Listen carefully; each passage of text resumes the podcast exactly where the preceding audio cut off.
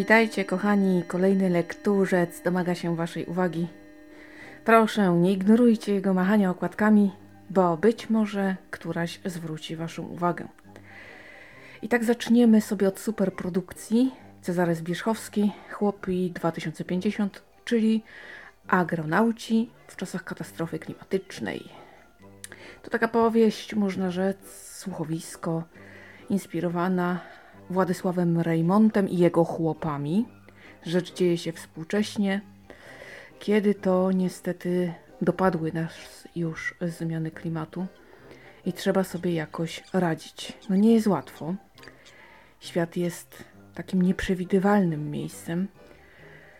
I jak to w chłopach, oczywiście nie brak sytuacji newralgicznej, sytuacji, która wymyka się spod kontroli przez złość i nienawiść, przez to, że jedna strona jest pazerna, a druga broni swojego bytu i swojego terytorium. Żadna nie chce odpuścić. Rzeczywistość, w której pogoda nie jest naszym sprzymierzeńcem, a to niestety już się chyba powoli zaczyna, powinna tutaj nas jednak bardzo uczulić na to, co nas czeka. Ale niestety, zmiany, których potrzebujemy, powinny się odbyć na szczeblu, który raczej się na to nie zdecyduje. Za duże pieniądze, za duże wpływy. A zatem być może tylko odroczymy to, co nieuchronne. Z całą pewnością jednak nie zapobiegniemy temu, że no, za bardzo eksploatujemy swoją planetę. Taka prosta historia, która pozwala nam zerknąć na to, jak rzeczywistość w czasach, kiedy będziemy walczyć o wodę i żywność, może wyglądać. Tego warto się zapoznać, ale to też taka troszkę historia, która tak przez człowieka przelatuje, nie jest jakoś szczególna, ale na pewno też nie przysparza niezadowolenia, czy nie mamy poczucia, że źle spędziliśmy czas. Magdalena Majcher, Mocna więź. To jest historia na faktach. Ta zbrodnia zdarzyła się rzeczywiście. Zbeletryzowana opowieść potrząsa. Jesteśmy zszokowani, że tak łatwo można by uniknąć odpowiedzialności za śmierć drugiego człowieka. Dowiadujemy się z tej książki, że nie znamy swoich najbliższych, że trzeba się zmierzyć z tym, co wypieramy, że aby dojść sprawiedliwości, trzeba czasem przejść naprawdę cierniową drogę. Nie jest łatwo, ale nie wolno się poddawać. To również spojrzenie na tragedię, jak do niej doszło. Możemy sobie zadać pytanie, czy można było tego uniknąć, a jeśli tak, to w jaki sposób. Podobno każdy z nas może zabić. Muszą tylko wystąpić odpowiednie okoliczności. Gdy sobie o tym pomyślimy, to być może zadamy sobie pytanie ciekawe, co by musiało się zdarzyć, żeby to ja, prawda? Takie niewygodne troszeczkę, ale na pewno ciekawe. A prawda jest taka, że nigdy się tego nie dowiemy, dopóki nie staniemy oko w oko z tak zwaną okazją. Oby to się nigdy nie wydarzyło. Jednak opowieść jest naprawdę dobra. Widać, że autorka pracuje nad swoim warsztatem, ponieważ jej pierwsza powieść na faktach, czyli ta o powstaniu warszawskim była taka bledziutka, a ta, choć y, początkowo wydaje się taka płaczliwa, taka, no ale wiadomo jak tu nie płakać, prawda, kiedy ginie ktoś najbliższy. Ale wydaje się taka właśnie, nie wiem, jeżeli czytacie audiobooki, y, to klimat jest jak interpretacja Blanki Kutyłowskiej, czyli tak płaczliwie mocno, ale potem autorka jakoś tak udaje jej się złapać balans i równoważy to potem wszystko y, bardzo ładnie, więc widać, że tutaj ten kunszt jest coraz lepszy. Pogratulować i tylko się cieszyć, ponieważ zawsze, kiedy mamy do czynienia z czymś, co dotyka prawdy takiej, która miała miejsce, no to fajnie, żeby to było dobrze napisane. Przynajmniej mocno poprawnie. Agustina Basterrica, wyborny trup. To coś obrzydliwego. Ale warto to przeczytać, bo kto wie, jakie jeszcze paskudne koleje losu czeka ją ludzkość, nie wiadomo. I choć dziś włożymy tę historię między bajki, może to jednak wizje takie post-apo być może zaczną się sprawdzać tak, jak sprawdza się science fiction. No strach się bać. W czym rzecz? Brak mięsa. Dlaczego? Dlatego, że zwierzęta zaczęły przynosić wirusa. Wirusa, który powodował masowe zgony. Lwią część wszelkich gatunków wymordowano zatem. No i okazało się jednak, że bez e, białka zwierzęcego no nie jest nam najlepiej. Potrzebujemy go. Co teraz zrobić? Zaczęto więc hodować ludzi, taki można rzec podgatunek, który zjadano. Brr, straszne. Oczywiście zdarzały się różne nadużycia, bo niektórzy tak zwane samice, kobiety, wykorzystywali seksualnie, to jest zabronione, no i w ogóle różne takie historie. To, jak tych ludzi sprowadzono do właśnie roli zwierzęcia, przeraża niesamowicie. To naprawdę jest coś potwornego, a można. Zatem, no nic, ja jestem mięsożercą, chociaż troszkę już e, mniej tego mięsa jem niż kiedyś, ale jednak jem i lubię. Powinno to dać do myślenia. Z drugiej strony, tak naprawdę zwierzęta mają się tak jak ci ludzie. Pewnie gdybyśmy sami musieli je zabijać, to część z nas nie jadłaby jednak mięsa. Mówi się, że właśnie powinni jeść mięso ci, którzy są w stanie dla niego zabić swoją ofiarę, tak? No można by na ten temat dyskutować. Ja pewne mięsne produkty będę jadła nadal, ale jest to wizja tak przerażająca, tak realistyczna, że włos się na głowie jeży. Yy, myślałam tylko, że książka będzie bardziej porywająca. Ona jest taka nudnawa jakby troszeczkę. Przegadana, ale dobra. I warta poznania ale jest to lektura dla osób o mocnych nerwach, więc jeżeli jesteście tacy troszkę delikatni, to kilka razy się zastanówcie, czy na pewno jest to to, co chcecie przeczytać. Bo naprawdę możecie się poczuć mocno niekomfortowo. I z całą pewnością jest to obrzydliwe. Agnieszka Marcinka, szybsza niż lew. Podróż rowerem po Afryce. To już jest, to nie jest tytuł, to już ja sobie opowiadam. Tak jakoś mi się dość szybko powiedziało, jakby było po kropce, ale nie. Niewielka książeczka.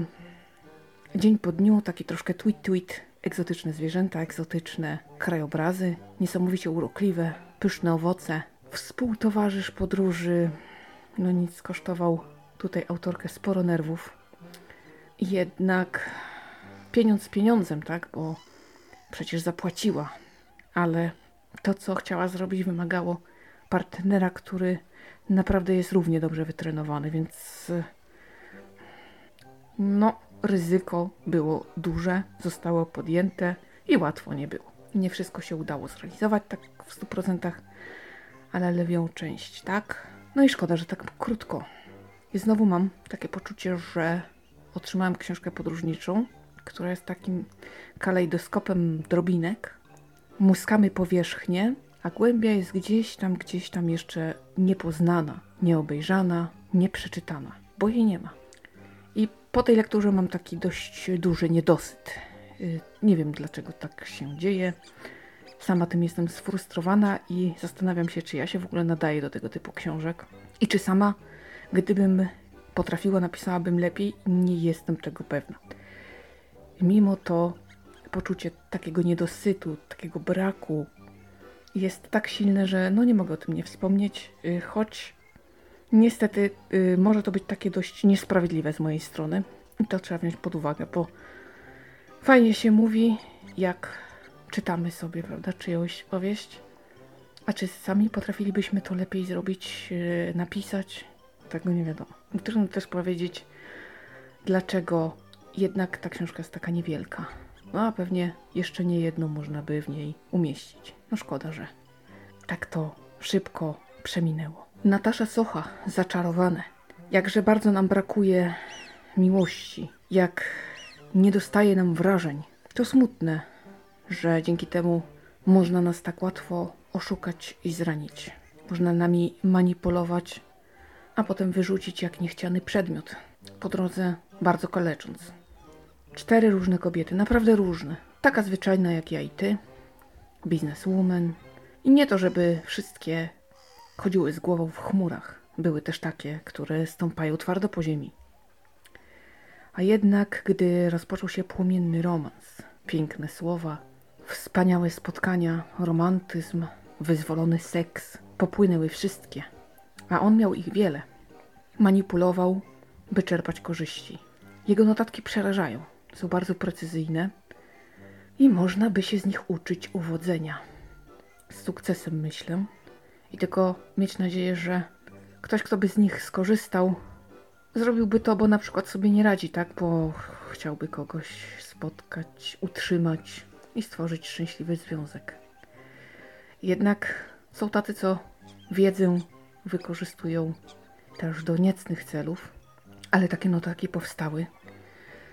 Te kobiety musiały zmierzyć się z naprawdę trudnym i bardzo bolesnym zdarzeniem, choć wydawało się, że złapały Pana Boga za nogi i że przytrafiła im się bajka. Obudziły się w koszmarze. Ich historie powinny dać do myślenia, jednak musimy mieć świadomość, że każdego z nas da się oszukać, trzeba tylko odpowiednich narzędzi. I to jest przerażające. Książkę pochłania się jednym tchem. Ta opowieść jest świetna. I choć z euforii wpadamy w czarny dół rozpaczy, to jednak światełko w tunelu też zobaczymy. Przekonamy się również, że na zgliszczach można budować trwałe rzeczy. I to jest piękna historia. I nie dość, że dobra książka, świetnie spędzony czas, to jeszcze daje do myślenia. Oj, mocno polecam. I szkoda tylko, że to tak krótko trwało. Ta opowieść by się mogła jeszcze dla mnie trochę ciągnąć. Jak padło słowo koniec, to wykrzyknęłam tylko o, już, o, taki smuteczek, no cóż. Mm, dobre, to pierwsze spotkanie z autorką i z całą pewnością nie ostatnie. Alice Hoffman, Gołębiarki. To lektura obowiązkowa. Yy, czytaliśmy w grupie książkowej i potem była na ten temat dyskusja. Byłam jedyną osobą, której się to podobało. Choć moje podejście pierwsze było, o Jezu, co za nudy. Muszę jakoś to przebrnąć. Ugh. I tak po pierwszym takim, chyba pierwszej godzinie, zmęczonej, zmordowanej, ola Boga, w weekend pomyślałam sobie, o już się zbliża termin dyskusji, trzeba przyspieszyć, trzeba się wziąć. No i zaczęłam czytać i przepadłam. Sama się nawet zdziwiłam, bo podejście, widzicie, było takie hmm, już wiadomo jakie. Nastawienie też nie za bardzo, a jednak powieść się obroniła. Cztery różne kobiety, cztery historie, jedna twierdza oblężona, w której trzeba żyć miesiącami.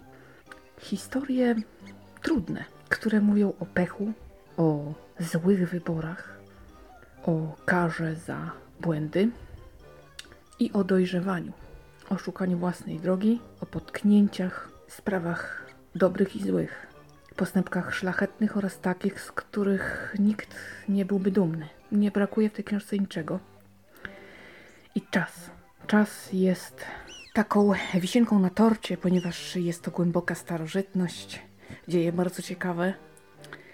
No i muszę przyznać, że choć początek był kiepski, to na koniec byłam bardzo zadowolona z lektury i oceniłam bardzo przyzwoicie.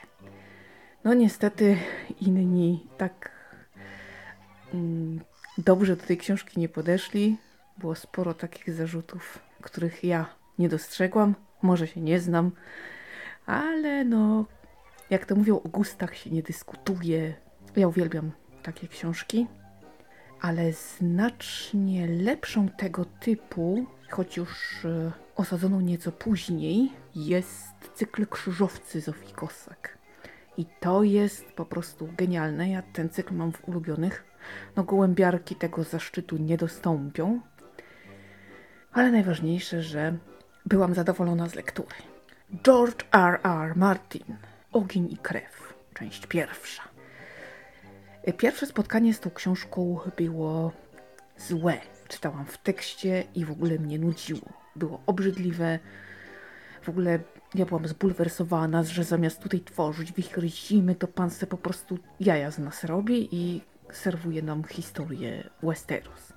Kiedy mnie na to czeka i już tak rozsierdzona w ogóle na tego człowieka, bo już spodziewamy się premiery 30 lutego, oczywiście wszyscy, e, no to już to, prawda, sprawiło, że moje podejście do tej lektury było jakie było.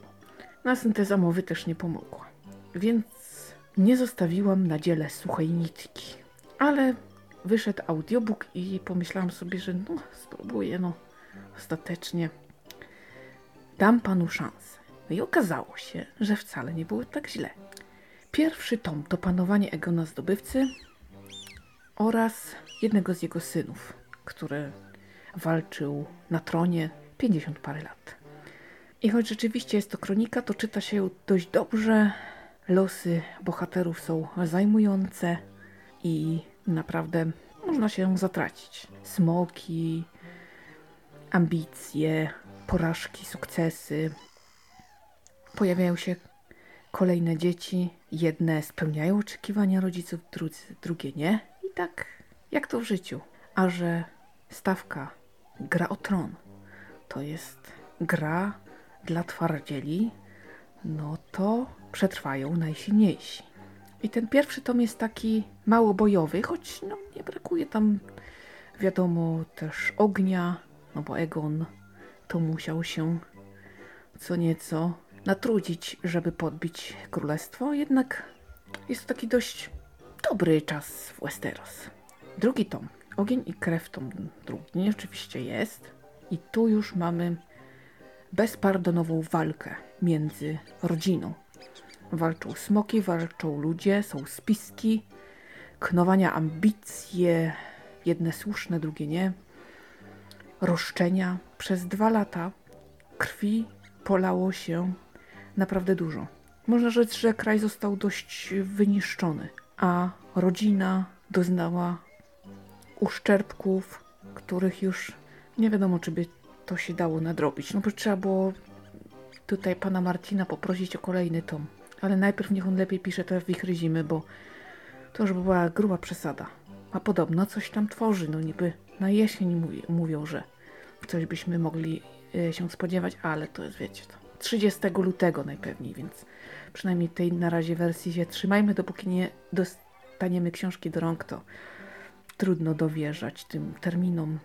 W każdym razie z dość dużym zainteresowaniem przeczytałam te kroniki.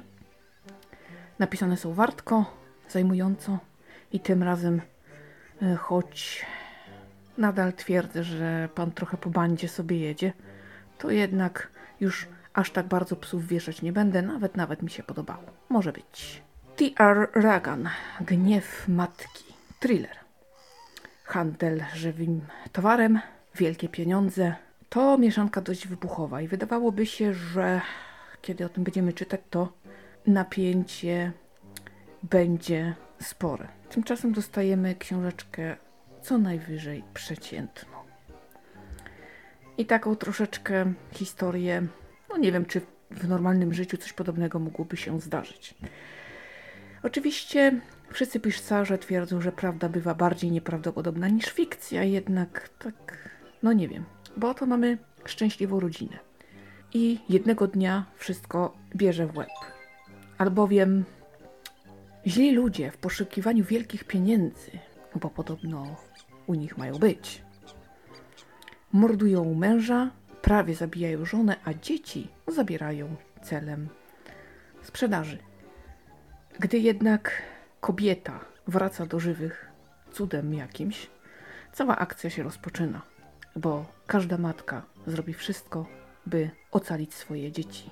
Napędza ją gniew i desperacja, by jej pociechy bezpiecznie wróciły do domu. W akcji pomagają jej przyjaciele, poznani na terapii gniewu oraz rodzina. Są, można rzec, lepsi od gliniarzy. I to jest dla mnie element bajkowy. I tak sobie się ta akcja mieli. Napięcie jest średnie. Odciski złych ludzi oczywiście nie są oszczędzane. Zemsta jest krwawa, ale nie robi to większego wrażenia na czytelniku.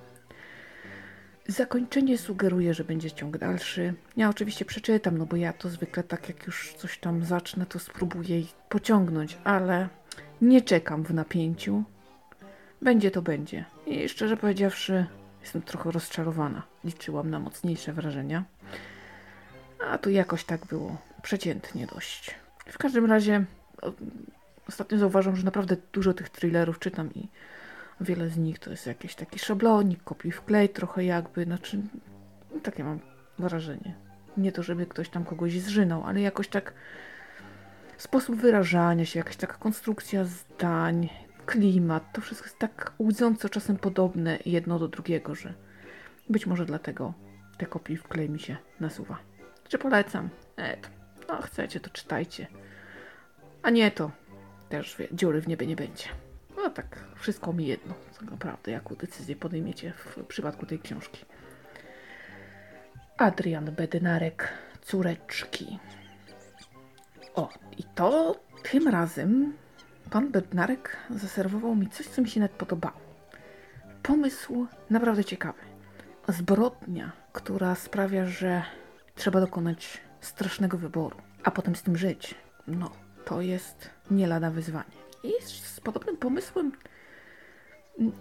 nie spotykam się po raz pierwszy, ale w tej konfiguracji więcej wam nie powiem, bo to nie będę wam psuła przyjemności z lektury. To tak, takiego wyboru jeszcze nie widziałam.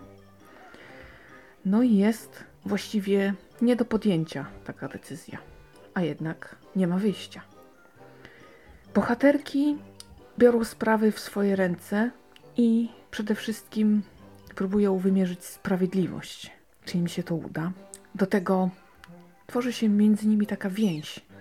Dość ciekawa, jednak to nie jest też taka prosta sprawa, ponieważ gdy w grę wejdzie zazdrość, czy jakaś taka niechęć, to może spowodować, że coś, co mogło być wartością dodaną naszego życia, zniszczymy zaprzepaścimy. Dla jednej chwili, której może nie warto stawiać nad coś, co może być istotniejsze na resztę naszych dni, o tak powiedzmy.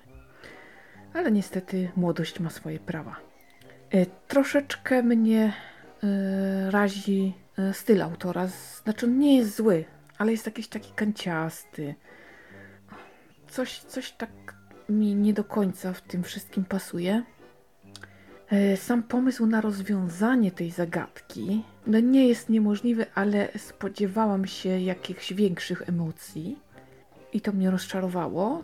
Tak napięcie rosło tak bardzo, że mm, wyjaśnienie jakby troszeczkę przekuło ten balon w nieodpowiednim momencie. I to tak troszeczkę nic nie smaczyło. Jednak, no, muszę przyznać, nie mogłam się oderwać. I jest to całkiem niezły thriller. Nie żeby zaraz wow, bo naprawdę już czytałam wow thrillery, a to bym bardziej piała z zachwytu, ale jednak no całkiem, całkiem, całkiem sobie tu pan poradził w przeciwieństwie do pasażera na gapę, który był ledwie przeciętny, no to tutaj mamy całkiem przyzwoitą rozrywkę. I z czystym sumieniem mogę powiedzieć, że jak sięgniecie, to no, powinniście być raczej tam w większości usatysfakcjonowani. No i tutaj też e, kwestia dojrzałości, nabywania takiej e, empatii. Tutaj też autorowi to wyszło. Czy właśnie takie skomplikowane relacje międzyludzkie. Też całkiem ładnie i zgrabnie to tutaj pokazał. I oczywiście też e, nie stroni od krwawych scen, ale też nie patuje nimi jakoś tak bardzo, więc jest tak wszystko ładnie wypośrodkowane. Warto, zdecydowanie warto, ja jestem zadowolona i to na pewno nie ostatnie spotkanie z autorem. Leon Feuchtwanger, Wojna Żydowska. No, po przeczytaniu Gołębiarek Alice Hoffman tak sobie pomyślałam, poszukałam i znalazłam yy, wielką książkę dzięki której mogłam trochę dłużej pobyć w tych czasach. Tak by mi się to zgadzało jedno z drugim. W każdym razie, dziś już się tak nie pisze. To niesamowicie estetyczny język. Te emocje aż kipią z książki. Józef Flawiusz, pisarz. Jego dzieje pozwalają nam śledzić sporo, sporo, naprawdę sporo lat ciekawej historii Rzymu, Judei. Zatargów, konfliktów, nieporozumień. Niestety nie polubiłam głównego bohatera. No, niesympatyczny. Niesympatyczny, taki bufon, irytujący sposób bycia, nie wiem, myślenia, istnienia i w ogóle wszystkiego. Ale książka sama w sobie naprawdę ciekawa. No i te wszystkie skrajności, bo tam jest od szczytu po najgorszy dół. Ten człowiek robi rzeczy wielkie i podłe. Jest na samym szczycie, a za chwilę dzieje się coś takiego, że upadek z tak wysoka to naprawdę bolesna sprawa. Bardzo ładnie też tutaj możemy zobaczyć różnych cesarzy rzymskich, z jednej dynastii oczywiście, ale e, zobaczyć jak władza zmienia ludzi, jak dążenie do władzy potrafi wydobyć z człowieka wszystko co najgorsze.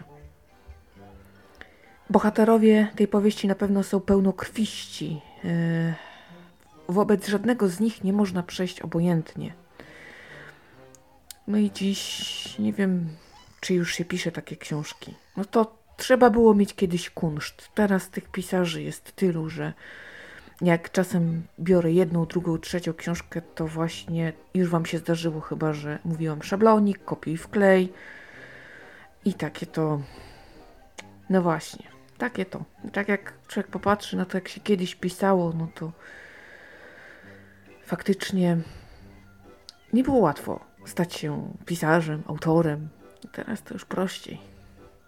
I aż strach się zapytać, czy to jeszcze dnia pewnego jakość spadnie bardziej. No nic, w każdym razie na pewno kawał dobrej historii, ciekawej opowieści, książka, która wciąga i interesuje czytelnika do samego końca. Dobry wybór, ale długo się to czyta, to jest kawał cegły, tak zwanej. Ale dzięki temu możemy dłużej być w czasach, które już dawno minęły. A to czasem właśnie o to chodzi. Tyle na dziś. Ja Wam bardzo dziękuję za uwagę. Świetnie, że cały czas ze mną jesteście, że subskrybujecie opowiedziane.pl, oby tak dalej. Statystyki cotygodniowe, które dzięki Wam z radością oglądam, no naprawdę jesteście super. Bardzo za to dziękuję. A póki co zmykam. Będę oczywiście czytać dalej, będę śledzić różne wydarzenia żeby nam tutaj opowieści nie zabrakło. A wy trzymajcie się cieplutko, bardzo uważajcie na siebie i bliskich. Do usłyszenia.